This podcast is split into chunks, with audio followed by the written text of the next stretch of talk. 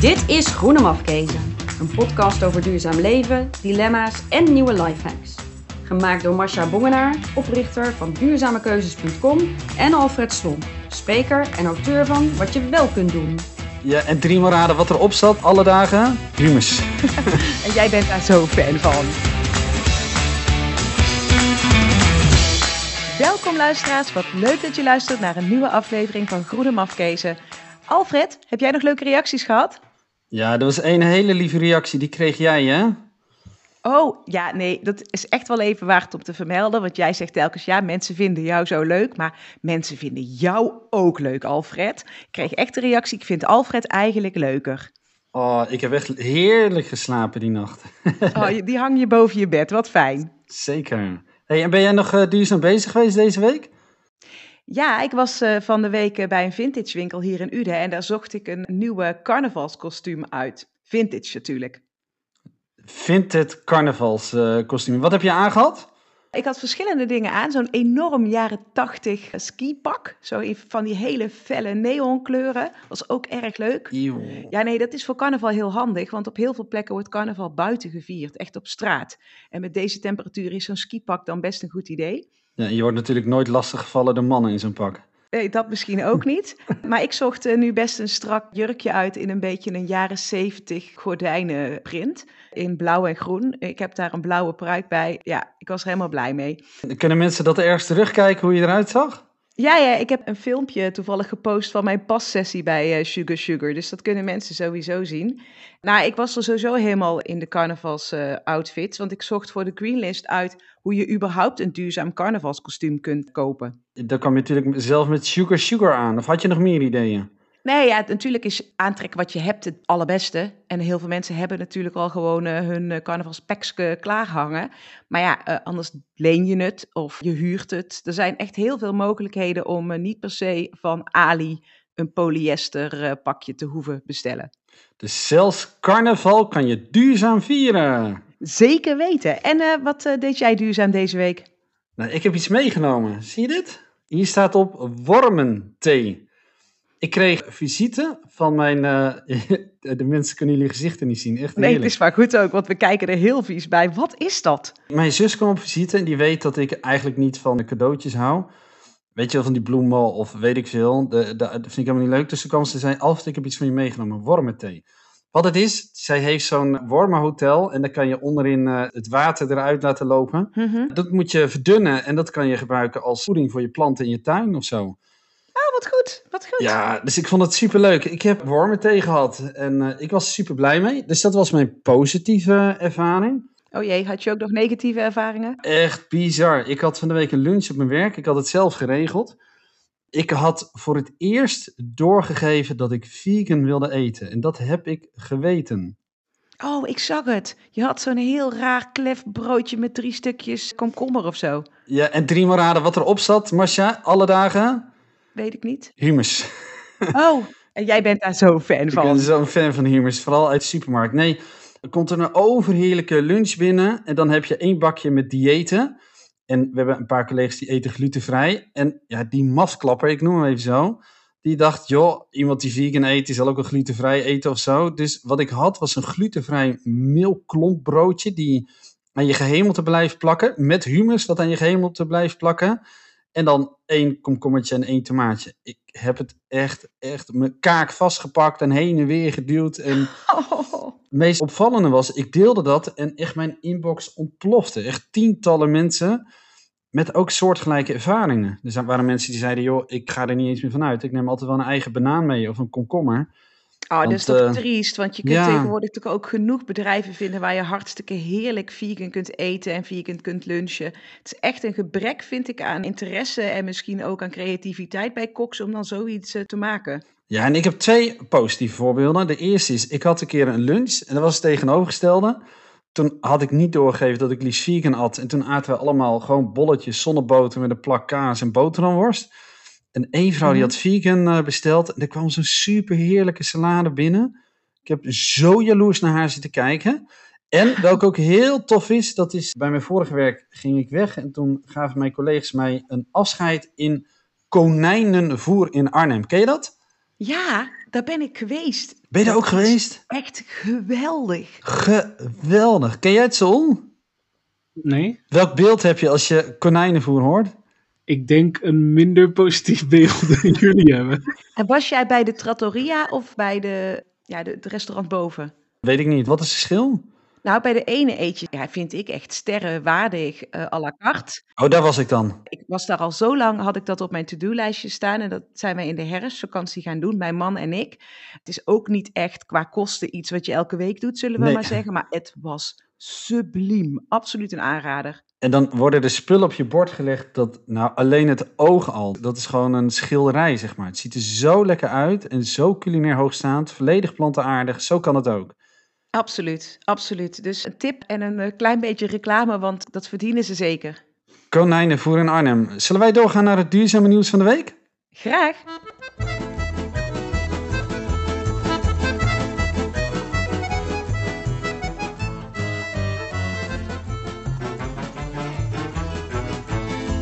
Wat viel jou op in het nieuws? Ja, mag ik de twee eh, bespreken, maar ik hou het kort. nou, vooruit. dat is een uitdaging, maar daar komt hij. De eerste is een opiniestuk in de Trouw en dat gaat over eh, duurzaam doodgaan. Oh, duurzaam doodgaan. Nou ja, heel veel mensen zeggen dat er te veel eh, bevolking op de aarde is. Dus doodgaan is dan sowieso duurzaam. ja, nee, het gaat over hoe je jezelf laat begraven of cremeren. Let op, dit wist ik echt niet. Dit is Mariette Schoenveld en zij geeft aan hoe vervuilend cremeren is. Zij zegt, als je twee keer op en neer vliegt naar Londen en dan nog een enkeltje Eurostar parkt, heb je minder CO2 uitgestoten dan dat je laat cremeren. Oh, uh, uh, nooit over nagedacht. Nee, nee, dat zegt ze ook. Ze zegt terwijl je er heel veel impact mee kan maken. En nu heb je een andere techniek, resomatie. Dat is een techniek waarbij het lichaam wordt verwerkt met vloeistof in plaats van verhitting. Die is veel, veel duurzamer, maar het mag nog niet in Nederland. Oh ja, dan laat je jezelf oplossen. Ja, ja, en ze zegt, joh, als we hier in 2018 al mee begonnen waren, ja, dan hadden we in totaal 135 kiloton CO2-uitstoot kunnen voorkomen. Ongeveer evenveel als de jaarlijkse uitstoot van 90.000 huishoudens. Wow, dat echt heel erg veel. Maar wat houdt het tegen? Die vloeistof zet je niet boven de open haard in een ur. Dat kan niet goed gaan bij de wekelijkse schoonmaak. Nee, ik, dat geloof ik zeker. En ik ken de praktische uitwerkingen niet. Maar zij pleit er vurig voor om dat toch toe te passen. En ze zegt, joh, in de tussentijd, wat je dan beter kan doen, is als, je, als iemand overlijdt, dan vlieg je die naar Londen. En daar is het legaal. Dan laat je hem daar resumeren. En dan bespaar je nog steeds 80 kilogram CO2 ten opzichte van crematie, gewoon hier in Nederland. Nou, wonderlijk uh, nieuws. Ja. Nooit van gehoord. Het andere nieuws is uh, net zo wonderlijk. Ik luister de podcast De Stemming. En daar hoorde ik ja, een vurig pleitbezorger voor de wolf. Van de Partij voor de Dieren. Nee, niet Partij voor de Dieren. Maar Partij voor de Vrijheid. Er zijn miljoenen mensen die eten schapen. Miljoenen. En als een wolf een keer een schaap pakt, wat ook nog vergoed wordt, want die boeren worden gecompenseerd, dan is opeens, het mag dat niet. Waarom mag een wolf geen schaap eten? Mogen mensen dat alleen maar? En ja, ik, vind ook... ik heb al vaker gezien, Dion Graus is echt een groot dierenliefhebber, maar deze had ik niet zien aankomen. Nee, het interessante is dat hij niet alleen opkomt voor huisdieren, maar ja, in dit geval voor de wolf. En ja, we zullen het filmpje in de show notes zetten, want dan staat hij dan met zijn geblindeerde zonnebril uh, in de Tweede Kamer te oreren, zeg maar. Ja. Maar grappig, iemand van de PV die toch wel hele rake dingen zegt over de bio-industrie en over de natuur. Ja, kijk zeker even dat filmpje. Ja, heel goed idee. Ja, mijn nieuws ging uh, ook over vlees. Oh, je hebt een bruggetje, ook over vlees. Ja, ja, zeker. Want ik las uh, van de week dat kweekvlees ja, over niet al te lange tijd dus uh, beschikbaar wordt voor consumenten. Kweekvlees, oeh, dat is een interessante en ingewikkelde. Ja, dat is zeker een ingewikkelde, want ik dook er dus in. Want sowieso vroeg ik me af, zou ik het eten? Want het is nog steeds dierlijk vlees.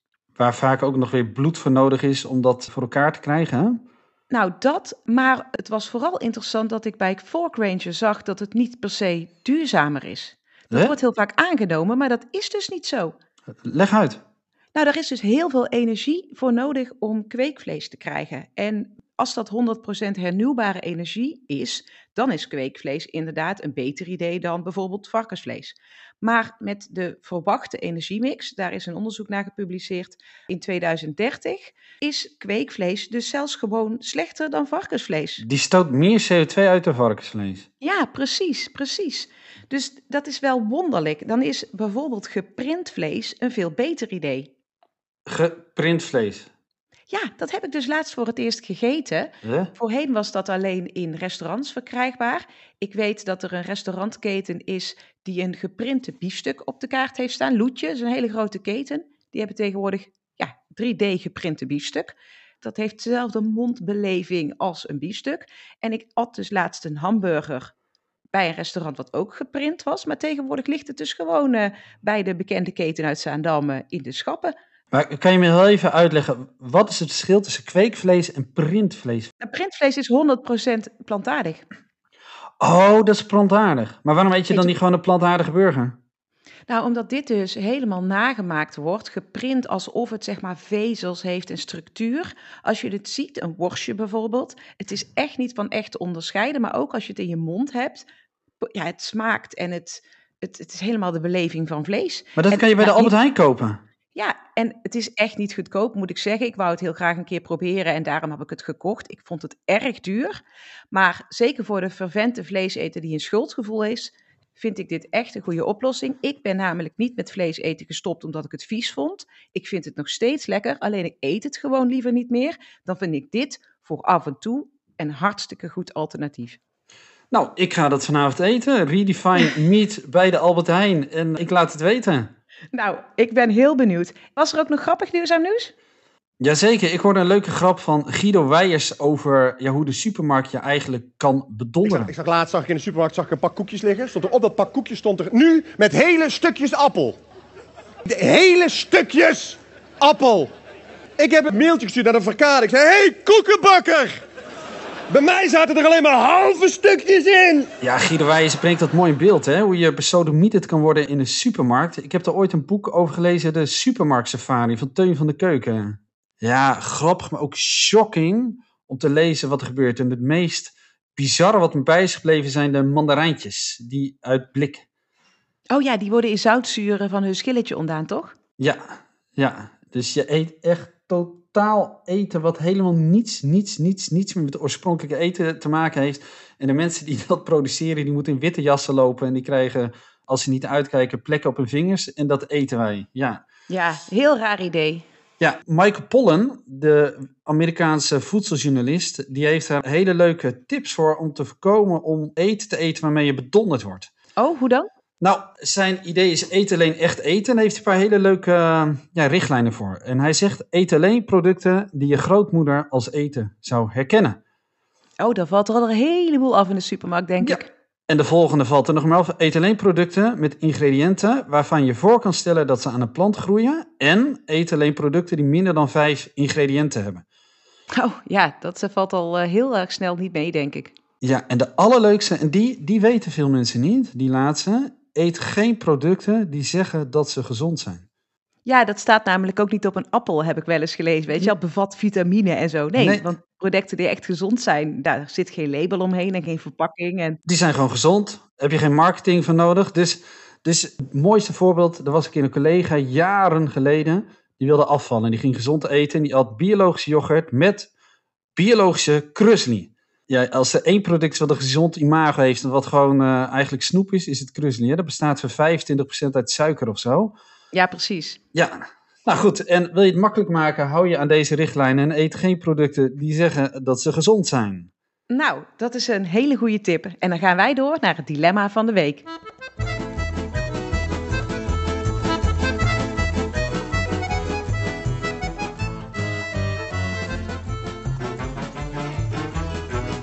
Duurzaam leven is leuk en inspirerend, maar soms ook lastig. En daarom bespreken we iedere week duurzame dilemma's. Saul, welk duurzaam dilemma heb je deze week voor ons? We hebben een reactie van een luisteraar op ons vorige item over melk. En die stelt dat zijn zoon toch graag koeienmelk drinkt. En die vindt soja en haver niet zo lekker. En zelf vindt hij eigenlijk een beetje koeienmelk in de koffie ook erg lekker. Dus wat kun je doen als je toch een klein beetje koeienmelk wilt blijven gebruiken? Maakt het qua impact dan uit welke melk je koopt en waar je het haalt? Kun je dan bijvoorbeeld beter bij de lokale boerenwinkel halen of bijvoorbeeld biologisch? Ja, dit is een hele interessante en ingewikkeld, hè, Masha? Ja, best wel. Dat kan best wel uh, lastig uit te rekenen zijn, omdat je van allerlei verschillen kunt maken met bijvoorbeeld hoe je naar die winkel toe gaat. Ja, want kijk, de impact qua uitstoot maakt niet heel veel uit van biologisch of gewone melk. Ja, het verschil zit natuurlijk wel in als je biologische melk koopt, dat het van kringlooplandbouw is en met meer inclusiviteit met de natuur. Maar de uitstoot, ja, die is min of meer gelijk. En ja, als jij dan met de auto naar de lokale biologische boer gaat om de melk te halen, stoot je toch weer meer CO2 uit. Dus ja, wat volgens mij de conclusie is, is als je zegt, joh, ik wil heel af en toe toch dat gebruiken, ga op de fiets naar de lokale boer of haal dan biologische melk, zou ik zeggen. Maar de kern is toch wel vooral, ga zoveel mogelijk minderen. En als je dan een keer gebruikt, dan zo biologisch mogelijk. We zijn allemaal niet perfect en als je dat scheutje melk in je koffie doet, uh, enjoy. Maar nu heeft mijn vrouw die heeft zo'n uh, apparaatje wat opschuimt. En die doet daar sojamelk in. En die schuimt echt super goed op. Dus misschien zou dat nog een tip zijn. Koop zo'n apparaatje, echt zo'n opschuimer. En ja, mijn vrouw die houdt echt wel van echte melk ook. Maar die vindt het prima te drinken. Oké, dan is het toch nog misschien uh, iets wat heel erg lekker is, wat je ook nog kunt uh, kiezen. Nou, goede tip, Alfred. nog andere dilemma's, Saul? We hebben in een polletje gevraagd met welk duurzame dilemma jullie nou zelf het meeste zitten. En daar kwam de vraag in naar boven: hoe krijg je je gezin mee in een duurzame lifestyle? Zij het afvalscheiden, minder vlees eten, consuminderen? Oh, daar heb ik eigenlijk wel heel goed antwoord op. Nou, vertel Marcia, jij hebt de oplossing voor iedereen's probleem. Nou ja, ik vind eigenlijk niet. Wat je vindt niet? Je vindt niet zoveel. Dat is wat Nou eerst. nee, ik. nee, ik hoor dat heel vaak. Hoe krijg ik mijn partner nou zover dat hij ook doet wat ik vind dat hij moet doen? Nou, Ja, ik weet het niet, maar die van mij, daar wordt het niet gezelliger op thuis hoor. Als ik van alles eh, op hem ga leggen van je moet dit, je moet dat. Dat geldt met je buurman, maar dat geldt ook met je partner en dat geldt ook met je kinderen. Meestal is dat niet heel erg de gezelligste manier om met elkaar om te gaan. dus als jij selderij zit te eten, kluist hij aan zijn botten en eh, dat soort dingen. Nee, maar ik kook gewoon heel lekker natuurlijk. Eh, overigens kookt hij ook heel lekker. Dat is het hele punt. Dus als je gewoon een heerlijke maaltijd op tafel zet en je gezinsleden smullen daar gewoon van, en het is toevallig ook vegetarisch of plantaardig, hey, voor de win. Maar het is dus niet zo dat ik ga zeggen, je mag per se geen vlees eten. Dat vind ik echt heel belangrijk. Ja, ik had van de week een collega en die zei ook van, ik wil het allemaal niet weten, ik wil allemaal niet weten, want dan mag ik nog minder eten. En ja, als ik vier keer ga eten, dan, eh, ja, ik laat gewoon alles weg wat er in het gerecht zit en hou je alleen planten over. Dat is niet te eten. En toen dacht ik, ja, maar ja, zo is vegan eten ook wel heel ingewikkeld. Net als die cateraar bij mij, die, ja, dat is niet te eten. Maar als je gewoon heerlijk gaat koken, ja, je hoeft het niet eens over te hebben dat het vegan is, toch gewoon? Je eet gewoon lekker. Precies, en dat vind ik met andere dingen dus ook. Eh, ik bestelde van de week een tweedehands spijkerbroek voor mijn man op Vinted. Daar zaten de labels gewoon nog aan. Die ligt in de kast. Ik bedoel, Dus, heel veel duurzame dingen zijn dus helemaal niet anders dan niet duurzame dingen. Bovendien denk ik dat je het beste resultaat hebt door gewoon te laten zien hoe leuk en hoe gezellig het is om duurzaam te leven. Zeg maar om het goede voorbeeld te geven. Dan gaan mensen eerder mee dan dat je ze allerlei dingen oplegt. En dat geldt zeker ook voor je gezinsleden. ik vind het een fantastisch antwoord. Ik zou er niks aan toe durven te voegen. Nou, ik heb nog wel een kleine toevoeging. Oh. Want praat erover. Want dat is natuurlijk wel wezenlijk. Hè?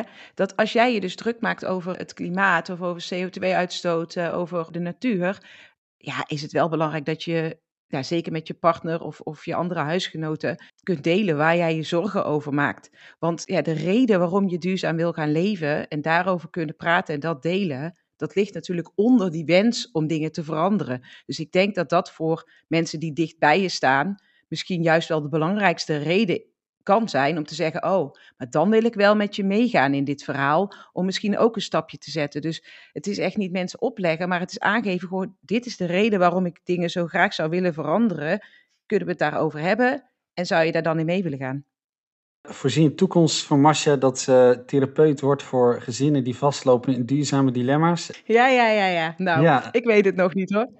En over dilemma's gesproken. We hadden natuurlijk in aflevering 5 een heel verhaal over homostieren. De homo-stieren. Precies, daar waren heel veel reacties op. En eentje daarvan kwam van Mirjam van Elst. En die is vandaag te gast. Welkom Mirjam. Dankjewel, goedemorgen. Goedemorgen. Nou, ja, je had onze aflevering gehoord en Ja. toen zei jij, nou, daar weet ik wel meer van. Ja, Vertel onze luisteraars even eh, wie je bent. nou, ik ben dus Mirjam van Elst. Ik ben corporate story boss. Ik help ondernemingen met hun verhaal en ik richt me op duurzame en plantaardige organisaties, want dat vind ik heel erg belangrijk. Ik heb twintig jaar in de farmacie gewerkt, in de veterinaire farmacie. Veterinaire farmacie, wat is dat precies? Dat zijn de bedrijven die medicijnen maken voor dieren. Ah, oké. Dan moet je aan huisdieren denken, dus de kleine dieren die bij ons op de bank zitten, zeg maar, de katten en de honden. Maar ook de dieren die allemaal opgegeten worden. Dus de koeien, de varkens, de schapen. Juist, juist. Dus je weet veel meer van die inseminatie bij eh, stieren. Dat heb je dus ook daar eh, terug zien komen. Nou, daar heb ik niet zo heel veel over gezien, maar ik, ik zat op sales en marketing en op een gegeven moment moest ik aan een collega vragen van, goh, wil je nog nieuwe giveaways? Want dat is leuk hè, voor salesmannen, die willen graag iets meenemen, dat verkoopt makkelijker. Heb je nog ideeën van dingen die we kunnen branden? En toen zei hij, ja, een knuppeltje. Een wat? Een knuppeltje. Zoiets van Jan Klaassen, niet zo'n grote, maar zo'n zo'n kleintje. Daar lopen boeren mee door een stal. En je kunt best wel makkelijk zien of een kip goed legt of niet. Een kip die goed legt, ja, alle energie gaat naar dat leggen toe. Dus die heeft niet zulke mooie veren. Een kip met mooie veren, ja, die legt dus niet goed. En die legt dan vaak het loodje. Want ja, daar verdien je niks mee. En wat heeft dat knuppeltje daarmee te maken dan? Nou ja, dat knuppeltje wordt dus gebruikt om de kip eh, dood te maken. Die te veel mooie veren hebben. Ja, het kost heel veel energie om een ei te leggen. Zo'n kip ziet er gewoon niet uit. Die heeft geen energie meer om mooie veren te hebben, zeg maar. En dan dus toch de boer kippen doodslaan die voldoende veren hebben omdat ze niet genoeg liggen. Ja. Jeetje, en Ja. heb je nog meer van dit soort eh, ervaringen? Want dit klinkt echt bizar.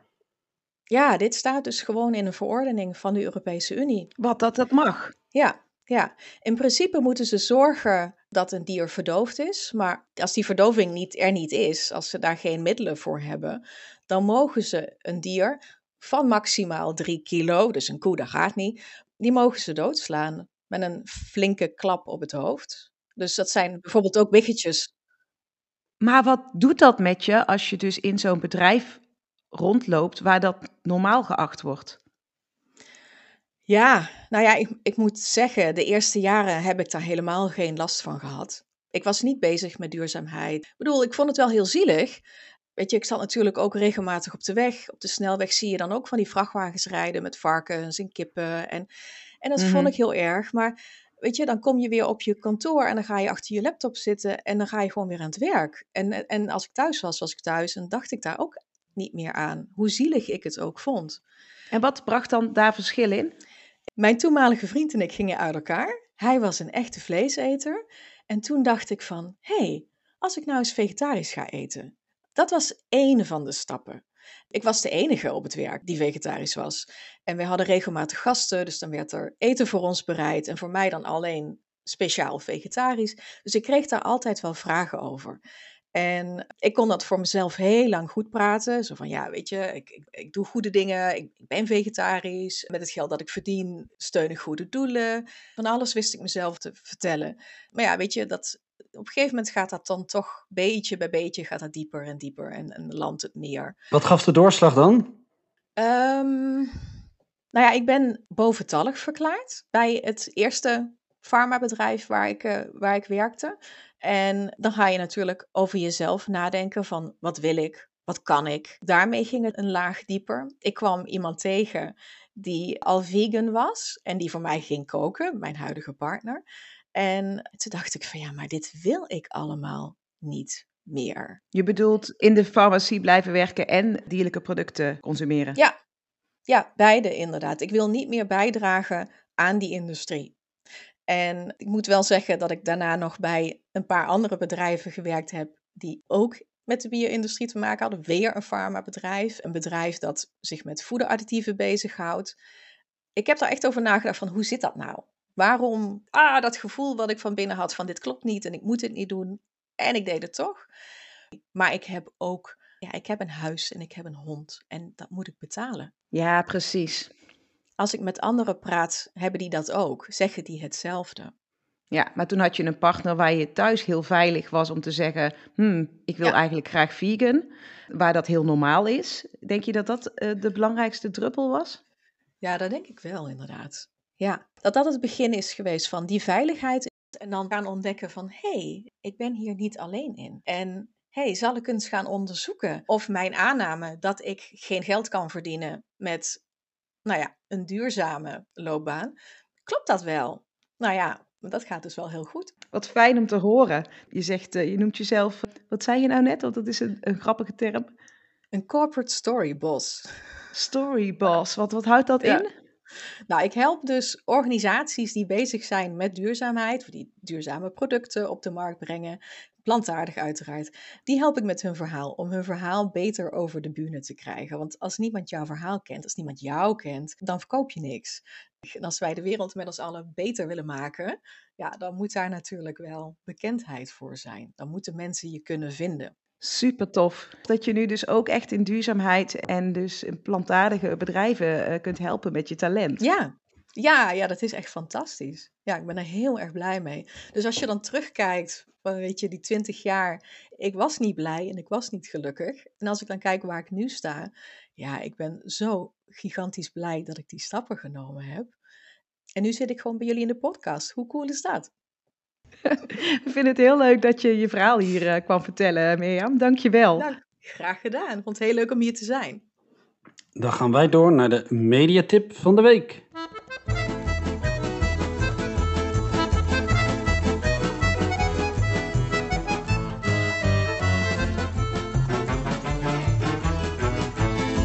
Alfred, wat is jouw eh, mediatip van de week? Nou, ik vroeg op de social media de vraag die ik ook vaak tijdens workshops. Het is een hele leuke vraag om te stellen en heel lastig om te antwoorden. En de vraag is: hoeveel dieren mogen er dood van jouw leven? Zo, wat heftig. Ja, ja, ik ben deze week sowieso al bezig geweest om mijn volgersbestand een beetje op te schonen. Je dacht, ik schop even overal tegen heilige huisjes. Die neiging voel ik af en toe. Maar ik kreeg mooie reacties. En eh dat is natuurlijk een hele lastige vraag. Maar als je weet wat het antwoord is wat de gemiddelde Europeaan in zijn leven eet, dat is echt bizar. Maar een van de volgers kwam met deze app, de Cowculator. De die is- calculator, wat doet ja, dat? Die is van de documentaire van Cowspiracy. En die hebben een app. En daar kan je invullen eh, sinds wanneer je vegan eet. En dan berekent hij wat je bespaard hebt. Aan dieren. Aan dieren en alles. Nou, en ik eet ja, door deze podcast stiekem eigenlijk gewoon al een paar weken vegan. Dus ik heb het ingetypt sinds 19 januari. En als ik gewoon normaal volledig vlees had gegeten of een gemiddeld dieet, eh, ten opzichte van dat dieet heb ik bespaard bijna 80.000 liter water, bijna 400 kilogram graan, 53 vierkante meter bos, 172 kilogram CO2 en 19 dierenlevens. Wow, Ja, bizar dat is hè? enorm. Ja, het is wel een hele leuke manier om dat in beeld te brengen. Dus mocht je vegan eten, kan je het daar invullen. Mocht je denken, joh, ik wil eens weten wat ik zou besparen als ik vegan ga eten. Download de app Calculator en eh, vul het eens in. Ja, ik ben heel benieuwd. Ja, wat was jouw mediatip van de week?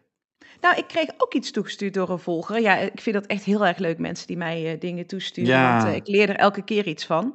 Dit was een video van Fox. Laten we eens gaan luisteren naar een eh, klein stukje. I'm hearing anecdotally from like so many people that I talk to like in my life from coffee machines, phones, computers, sweaters. They all tear or break or like explode way sooner than they used to. Jeetje, echt waar? Zijn producten gewoon minder goed geworden?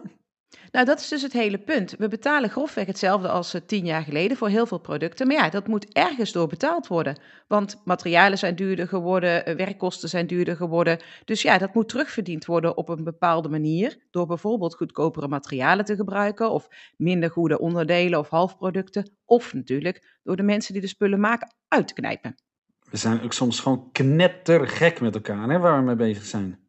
Ja, en dat is natuurlijk het hele punt. Kijk, tien jaar geleden was het misschien logisch om snel je laptop te vervangen, omdat in twee, drie jaar die laptop echt significant beter werd.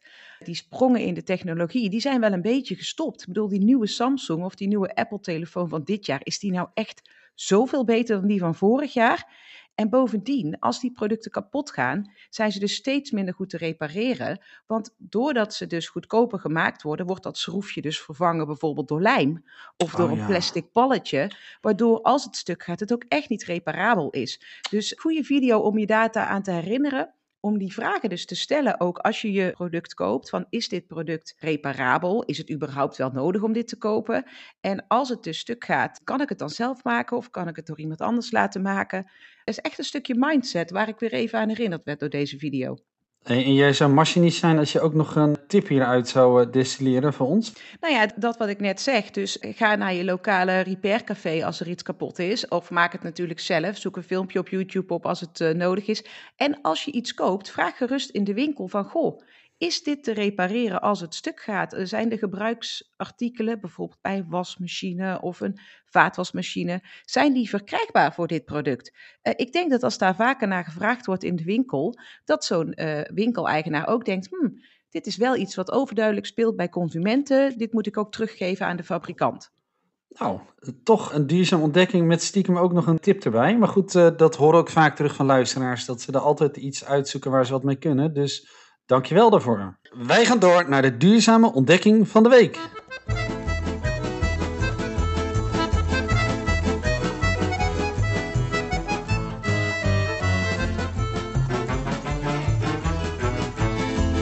Nou, wat was jouw duurzame ontdekking? Ik ben benieuwd. Nou, eh Proveg heeft van de week een onderzoek gepubliceerd dat voor het eerst eh, dit jaar plantaardig boodschappen doen dus goedkoper is dan dierlijke producten kopen. Dus het argument dat het veel duurder is, dat verdwijnt serieus? Ja, ja eh, het scheelt zelfs wel tot 20% als je dezelfde producten koopt, maar dan de plantaardige variant. Wel met de kanttekening dat je dan kiest voor zowel de goedkoopste plantaardige versie als de goedkoopste dierlijke versie Mhm. in verschillende supermarkten. Dus het is niet zo dat je per se bij één winkel dan shopt. Ze hebben echt wel een soort vergelijkend warenonderzoek gedaan. Maar goed, dus als je slim koopt en goed vergelijkt, kun je ook dus voor plantaardig echt veel goedkoper uit zijn. Nou, en wat je natuurlijk ook ziet, is vaak vergelijken mensen dan vlees met vleesvervangers. Maar vergelijk maar eens rundvlees met eh kidneybonen of zo. Nou, dat scheelt natuurlijk enorm. Ja, dat scheelt enorm. Maar leuk om te merken. En dus plantaardige eten is gewoon eh, goedkoper. Sowieso past het binnen ons eh, straatje, dat duurzaam leven gewoon goedkoper is. Dus dit is weer een mooi voorbeeld ervan. Ja, zeker. En eh, wat was jouw duurzame ontdekking? Ja, ik heb er twee. Alweer, alweer twee. Maar ik ga ze mooi aan elkaar verbinden. De eerste, Oh. dat vertelde mijn zoon. Hij zei, papa, weet je dat er een kip is die 18 maanden zonder kop heeft geleefd? Ja, ik ken er een heleboel, maar dat is vast niet wat je bedoelt. nee, dat is niet wat ik bedoel. Maar ik zei, nee, dat, dat, dat bestaat niet. Er is geen kip die zonder kop kan leven. Dat is gewoon, eh, gewoon onzin. En hij opent internet en hij laat zien... Er is dus een kip geweest, ergens rond de Tweede Wereldoorlog... die heeft echt serieus 18 maanden zonder hoofd geleefd. Hè? Maar dat betekent dus dat zeg maar, zijn hart en zijn longen aangestuurd worden zonder kop. Kan dat? Ja, nou, wat het verhaal is, het verhaal is als volgt. Er was een eh, boer en die wilde een kip slachten voor, eh, voor familie, vrienden die op bezoek kwamen. Hij gaat naar buiten en hij slacht de kip. En wat doet hij? Hij slaat precies het hoofd eraf zonder de hersenen. En het bloed stopt met bloeden omdat er een bloedprop komt. Waardoor je dus een kip overhoudt met hersenen, zonder snavel, zonder ogen, zonder wat dan ook. Hé, gadverdekkie. Ja, ja, en eh, ik vond het wel leuk om te lezen. Nou, Sorry. Nou ja, sorry. En jij hebt van die tienerjongens die dat natuurlijk prachtig vinden om eh, zo'n hilarisch verhaal. Maar mm, ik krijg er Ja. een beetje eh, niet zo'n honger meer van hoor. Maar de volgende dag komt hij, hij denkt, "Oh, ik laat het beest rondlopen of zo. En de volgende dag komt hij binnen en er loopt gewoon een kip zonder hoofd. En wat heeft hij gedaan? De slokdarm was nog intact en daar heeft hij water in gedaan en graan. En dat beest heeft echt 18 maanden geleefd. Ik denk dan alleen, ach, hartstikke zielig beest. En dat beest moet ook vreselijk veel pijn hebben gehad. Nou, het wordt. eh, ja, nee, daar komen we zo meteen nog op. Wat hij heeft gedaan, hij is rond gaan reizen met dat beest. Heeft er een soort van circus gemaakt. Hij kreeg echt een maandinkomen van eh 45.000 euro omgerekend per maand. Nee, echt, Ja. ik ben echt, dit is, eh, maar dit is heel lang geleden, heb je, zeg je het toch? 1945. Maar nu, en nu ga ik het verbinden met het volgende artikel. Het is echt wel, ik vind het ook een triest verhaal. Want dat beest ging uiteindelijk dood. Maar die man is er stinkend rijk van geworden. Wat denk je dat andere mensen doen? Oh nee, dan gaan mensen dat nadoen zeker. Er hebben echt duizenden kip het leven gelaten, omdat Oh, mensen nee. probeerden de volgende Miracle Mike eh, te krijgen en er geld mee te verdienen. Ja, dus ik vind het grappig, maar ook serieus triest. En dat brengt me bij mijn volgende verhaal. Ik las een artikel en je wil het niet geloven, maar wereldwijd belanden 18 miljard dieren niet op het bord. 18 miljard. Ja, dus ehm, wereldwijd belanden jaarlijks 18 miljard dieren, oftewel 52,4 miljoen ton botvrij en eetbaar vlees niet op het bord van de consument. Dat is ongeveer een zesde van al het vlees dat wereldwijd wordt geproduceerd. Maar wat doen ze daar dan mee? Ja, dat is heel verschillend. In ontwikkelingslanden treedt verlies meestal op aan het begin van het proces, hè, bijvoorbeeld doordat vee sterft tijdens ziektes.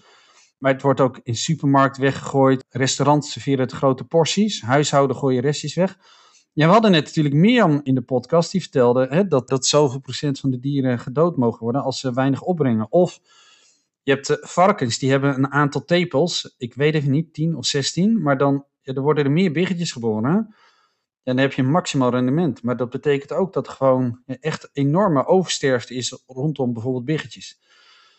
Dus ja, ik bracht die twee bij elkaar en ik vond het een ja, zielig, maar ook natuurlijk wel grappig of bijzonder verhaal. Maar dat geeft ook maar aan hoeveel dieren er doodgaan voor ons eten. En ja, dit zijn allemaal argumenten voor mij om gewoon veel minder dieren te eten. En ja, laten we dat met z'n allen doen en dan gaan we gewoon verschil maken. Ja, helemaal met je eens, eh, Alfred. Dat brengt ons wel eh, bij het einde van deze aflevering.